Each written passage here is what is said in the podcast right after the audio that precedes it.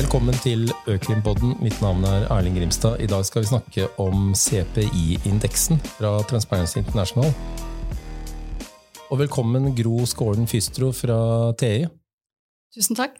Og du har vært hos oss før du i Økrimpodden og snakket om den samme korrupsjonsindeksen. Nå skal vi snakke om den eh, fra 2022 som kom denne uken vi er i.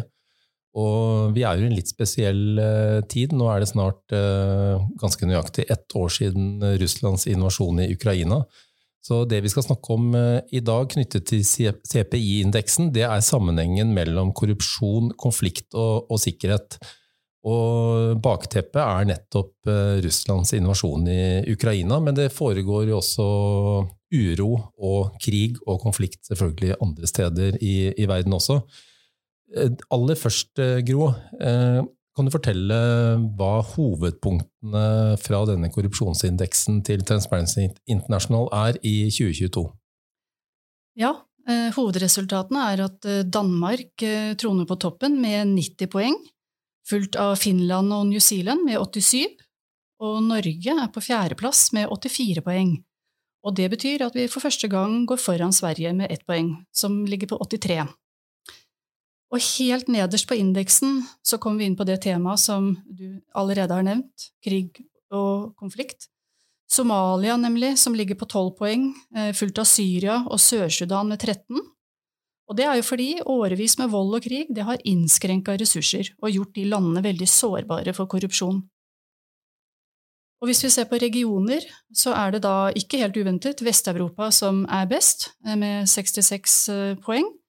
Og helt nederst så er det sø sør sørlige Afrika med 32. Og hovedbildet er at to tredjedeler av alle landene som er med i undersøkelsen, de har en poengsum på 43, altså veldig lavt, under 50% og det er bekymringsfullt. Og det er ellevte året på rad at vi har sett denne trenden. Så det er um, noe vi må ta tak i. Mm. Og kanskje vi bør eh, minne lytterne om hva denne korrupsjonsindeksen, eller eh, Corruption Perception Index, eh, altså CPI, måler. Og det dere skriver i rapporten, er at den måler oppfatningene av korrupsjon i offentlig sektor, bl.a. manifestert gjennom bestikkelse, underslag av offentlige midler, effektiv rettsforfølgelse av korrupsjonssaker, adekvate regelverk og åpenhet. Gir det en riktig fremstilling av det CPI-en står for? Ja, det er riktig. Det mm. er 13 eh, datasett som ligger til grunn for, eh, for den indeksen, og de måler forskjellige spørsmål knyttet opp til de eh, temaene som du nevnte, og som til sammen da utgjør liksom oppfatningen av korrupsjon i offentlig sektor. Mm. Jeg skal bare lese nå litt fra det dere har skrevet i et sånn tresiders notat som sammenfatter litt om temaet korrupsjon, konflikt og sikkerhet. Eh, der står det følgende Den globale sikkerheten blir stadig dårligere, og korrupsjon er både en årsak til og et resultat av denne negative utviklingen. Misbruk, underslag og tyveri av offentlige midler svekker institusjonene som har ansvar for å ivareta fred og sikkerhet. Og korrupte politikere og svake institusjoner baner vei for kriminelle og terrorgrupper. Videre skaper konflikt grobunn for mer korrupsjon og svekker myndighetenes evne til å forebygge og respondere. Og dere viser jo også til uh, Russlands brutale krig mot Ukraina, som er en sterk påminnelse om hvordan korrupsjon og maktmisbruk truer global fred og sikkerhet.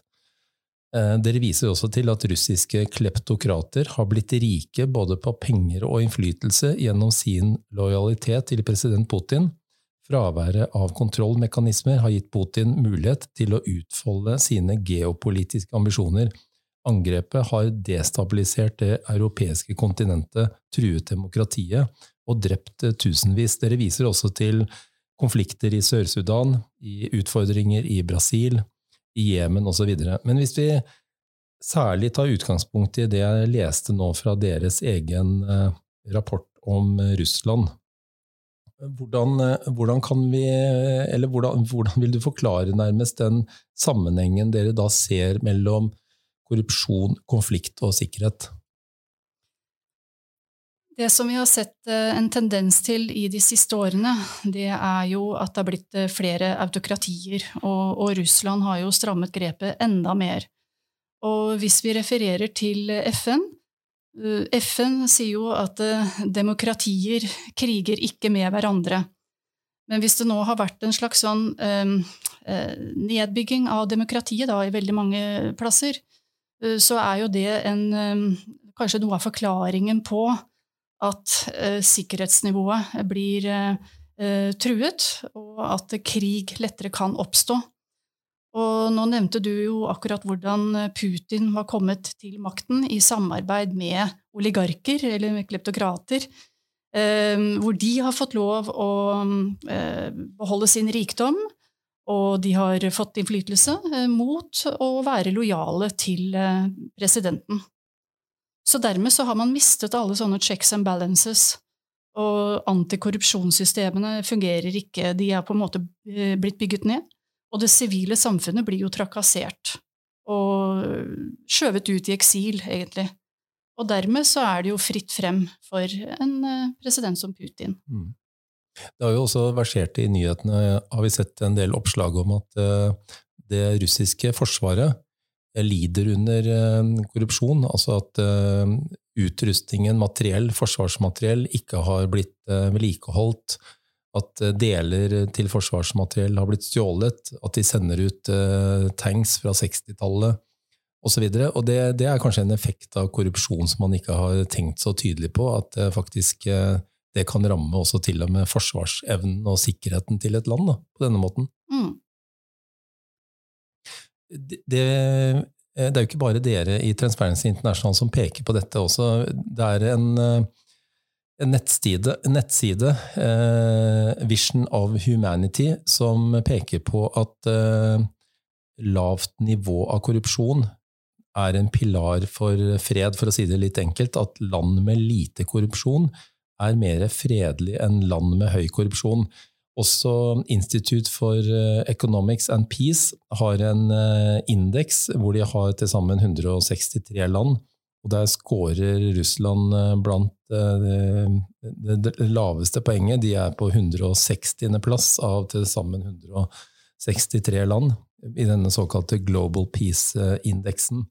Og det underbygger kanskje noe av det dere sier i denne årlige CPI-indeksen for 2022? Mm. Eh, absolutt, og vi har vist til litt andre undersøkelser som egentlig trekker i samme retning som det du sier, da, fordi vi har sett på da, sammenhengen mellom korrupsjon og demokrati, uh, hvor vi har tatt utgangspunkt i denne Democracy Index uh, fra universitetet i Wurburg, som, som, da rangerer demokratier, og så vi ser en klar sammenheng da mellom velfungerende demokratier og lite korrupsjon, og omvendt. Og så har vi sett på sammenhengen mellom korrupsjon og sikkerhetstrusler. Eh, og da har vi brukt en indeks som heter Security Apparatus for å måle, eh, for å måle akkurat det. Og der ser vi jo nettopp dette at eh, land som gjør det dårlig på indeksen, de har også mye dårligere sikkerhet. Og vi har sett på sammenhengen mellom korrupsjon og evne til å stå imot eh, altså sånn resilience. og da har vi brukt en indeks som heter Eh, Global Organized Crime Index Resilience Score, mm. Eh, som da også eh, peker i den retningen der da, at evnen til å stå imot sikkerhetstrusler er mye dårligere i land som har mye korrupsjon. Mm.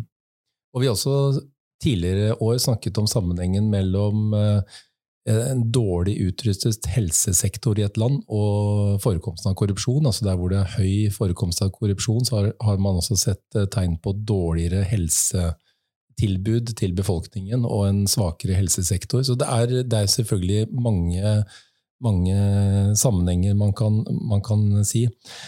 Ehm, det, det, mange lyttere kanskje lurer på, er eh, ok, så korrupsjon har eh, sammenheng med konflikt og sikkerhet, og lav eh, korrupsjon eller lite korrupsjon bidrar til et mer fredelig land enn det motsatte. Men, men, hva kan enkelte borgere gjøre? Altså Hvis vi skal snakke litt om det, hva, og det er kanskje lettere å begynne i en annen ende. da. hva kan foretak gjøre med korrupsjonsproblemet? En ting som jeg tror mange lesere av korrupsjonsindeksen tenker på av og til, det er jo at de vestlige landene som scorer best, altså som er minst korrupte, de er jo tross alt involvert i utvinning av naturressurser, i aktivitet i land som har veldig høy forekomst av korrupsjon, eh, og stille seg spørsmål om hvordan kan de minst korrupte landene i verden klare å operere i høykorrupte land i verden? Hva er sammenhengen eh, her, og hvordan eh, oppfattes det? Det sier selvfølgelig ikke CPI-indeksen noe om, basert på det den skal måle. Men, men, når vi kommer inn på den, den type dilemmaer da, og de utfordringene det kan skape, eh, kan du si noen sånn hovedpunkter om eh, hva du tenker eh, foretak kan gjøre for å være med og, og beskytte befolkningen i et land mot korrupsjon? Være med på å agere på måter som reduserer risikoen for korrupsjon? Mm. Det er jo selvfølgelig å ha nulltoleranse for, for korrupsjon, altså si nei til alle former for korrupsjon. Og praktisere det, ikke bare snakke om det, men faktisk praktisere det. Og jeg syns jo det er eh, veldig imponerende at i et land som Ukraina, som da er rammet av en brutal krig, eh, midt oppi dette også slår ned kraftig på korrupsjonen, seinest denne uka her, eh, hvor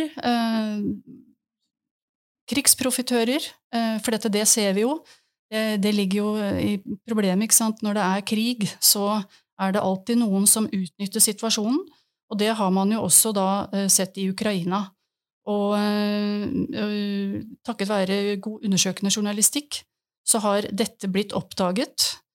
Og Transparency International Ukraina gjør jo også en veldig imponerende jobb, syns jeg, med å tenke på hva, hvordan man skal håndtere de store pengestrømmene som kommer inn til landet, Eh, i både for materiell, også, eller for humanitær bistand, men også, um, også, militært.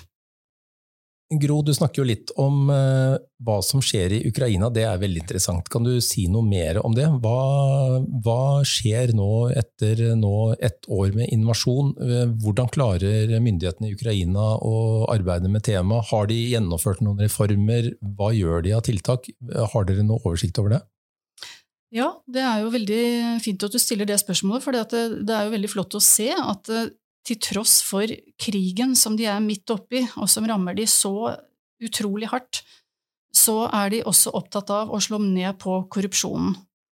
Uh, Zelenskyj kom jo til makten uh, på et sånt antikorrupsjonsprogram. Det lå jo liksom også i befolkningen et ønske om å bli bedre. For husk på det, altså landet ligger jo helt i bunnsjiktet på denne indeksen som vi mm. nå har lansert. Og i år så er de altså på 116. plass med 33 poeng, så det er veldig lavt ned. Ok, mm. Russland er enda lavere, da. Mm. Men, men, det er store korrupsjonsutfordringer i Ukraina. Men i løpet av de siste ø, årene flere, så de, har de gått opp med så mye som åtte poeng. Så det har jo vært en jevn stigning fremover, og det har vært antikorrupsjonsprogrammer på plass, eller det vil si altså at man har forsøkt å innføre det, styrke rettssystemet. Fordi det har jo vært slik at oligarker f.eks. kan utnytte, uh, utnytte rettssystemet, utnytte alle institusjoner til sin fordel. Så det har jo vært et sterkt ønske om å gjøre noe med det, og det skjer. Ehm, de har også etablert en, ehm, en nasjonal antikorrupsjonsstrategi. Og, ehm, ja, og, de er eh, opptatt av eh, offentlige anskaffelser. og det har da altså vært avslørt, og, de har også et påtaleorgan, etterforsknings- og påtaleorgan, som har blitt etablert. Og de har hatt flere høyprofilerte saker oppe, og nå er det jo avslørt flere stygge saker i forbindelse med krigen, altså i Forsvarsdepartementet i Ukraina, eh, hvor man har eh, kjøpt inn mat til soldater i fronten eh, til tre ganger markedspris. Og hvor har de penger for mm. å berike seg selv, altså noen mm. da. Og det har jo resultert i at viseforsvarsministeren har måttet gå, og, og lederen for anskaffelser har sagt opp. sånn at det der er bare et eksempel på en rekke sånne avsløringer som har vært i det siste. Eh, men dette kom jo også eh, i en tid hvor det er viktig for Ukraina å vise EU at de gjør noe med korrupsjon. Altså Én ting er at de ønsker det selv, men de ønsker jo også å bli medlemmer i EU, og de har jo mm. sendt en søknad. Ja. Og da er det jo krav til at man har bygd opp institusjoner som har til formål å bekjempe korrupsjon. Så, ja. så der er det en prosess på gang, og jeg synes det er utrolig imponerende at man får til det midt oppi den verste krigen. Mm. Og nettopp det du peker på nå, med korrupsjonsrisikoen i Ukraina, har jo kanskje vært eh, en av de største utfordringene for landet for nettopp å bli med i EU? Ja, det er helt riktig. Og uh, Zelenskyj, uh, som sagt, han var jo veldig opptatt av å ta tak i dette. Men vi må jo heller ikke glemme at alt er relativt. Da, sånn at Pandora Papers, for eksempel, hadde jo flere punkter som pekte på uh, Zelenskyj og hans TV-produksjonsselskap sammen med sine venner Eh, han frasa seg aksjene som han hadde i de selskapene, altså selskaper som er registrert i skatteparadis, British Virgin Islands, Kypros og Belize. Og han sa jo fra seg aksjene i de selskapene, men fikk allikevel laget en avtale eh, som gjorde at eh, inntektene eh, ble, kom hans familie til gode da, gjennom et selskap som kona eier. Så ok, så dette er jo et sammensatt bilde, eh, ikke sant? at man har noen sånne utfordringer der. Og samtidig så er jo han en veldig sterk stemme og en viktig eh, person for å rydde opp i eh, den korrupsjonen som er nå. Mm. Så mm, det er utfordrende, dette her. Mm. Men imponerende, som du sier, at landet som står i en krig, klarer faktisk å, å ha et operativt system innenfor justissektoren som klarer å avdekke korrupsjon og iretteføre saker også? Absolutt. Mm. Men så er det jo et annet uh, tema som jeg tenker vi også må følge med på i forhold til dette med eh, krig og krise, og ikke minst gjenoppbyggingen, for det går jo utrolig mye penger nå til Ukraina. Altså Bare fra Norge, for eksempel, så skal det jo legges frem en uh, såkalt Ukraina-pakke neste uh, uke. Mm. Og jeg ser at Dagens Næringsliv anslår at den kommer til å være på mellom 50 og 100 milliarder kroner. Så det, nå snakker vi liksom om en helt annen skala på bistand enn det vi har vært vant til tidligere. Og i 2022 nå, eh, så var det jo så mye som uh, 14 milliarder uh, til sammen bare fra Norge. Mm. Og enda så er ikke Norge den som gir mest. Sånn at det, i den pengestrømmen der så er det jo utrolig viktig at, eh, at eh, det ikke liksom At penger forsvinner i korrupsjon. Og vi ser jo at både ukrainske myndigheter eh, og ikke minst vår søsterorganisasjon Transparency International er veldig opptatt av å adressere den tematikken der selv. For dette vet vi jo fra andre eh, kriser og kriger rundt omkring i verden, at det er eh, ofte mye svinn i sånne eh, store pengeoverføringer. Mm. Vet dere i TI noe om hva norske myndigheter gjør for å se til at disse midlene kommer til eh, rette personer, blir brukt til formål osv., altså unngår at eh, det havner eh, i feil hender og brukes i en eller annen korrupsjonssammenheng? Norske myndigheter har jo nulltoleranse for korrupsjon, og har også ganske gode Nå snakker jeg generelt, mm. altså ikke spesielt i forhold til Ukraina, for jeg vet ikke om man har gjort spesielle tiltak overfor Ukraina. Det burde man jo ha, kanskje nettopp fordi at det er så enorme Mye mer penger enn det vi har vært vant til fra andre steder. Så, um, men nulltoleranse har man jo, og man har jo uh, kontrollmekanismer uh, i for å følge pengene. Men ikke desto mindre så har vi også veldig åpenhet om eh, penger som kommer på avveie, og vi ser jo rapporter på det fra bl.a. Norad og, sånt noe. Og, og, da ser vi jo det at det er, at det er sårbart. Mm. Gro Skåren Fystro fra Transparency International, takk for at du kom til eh, Økrimpodden og snakket om eh, sammenhengen mellom eh, korrupsjon, konflikt og sikkerhet. Det blir spennende å se hva som skjer videre, hvordan norske midler til Ukraina blir brukt, og hva vi kan lære mer i fremtiden om denne sammenhengen, som er et interessant funn i deres CPI-indeks for 2022. Takk skal du ha. Selv takk. Du har nå lyttet til Økrimpodden en podkast om økonomisk kriminalitet fra advokatfirmaet Erling Grimstad. Husk å følge podkasten der du lytter til podkast.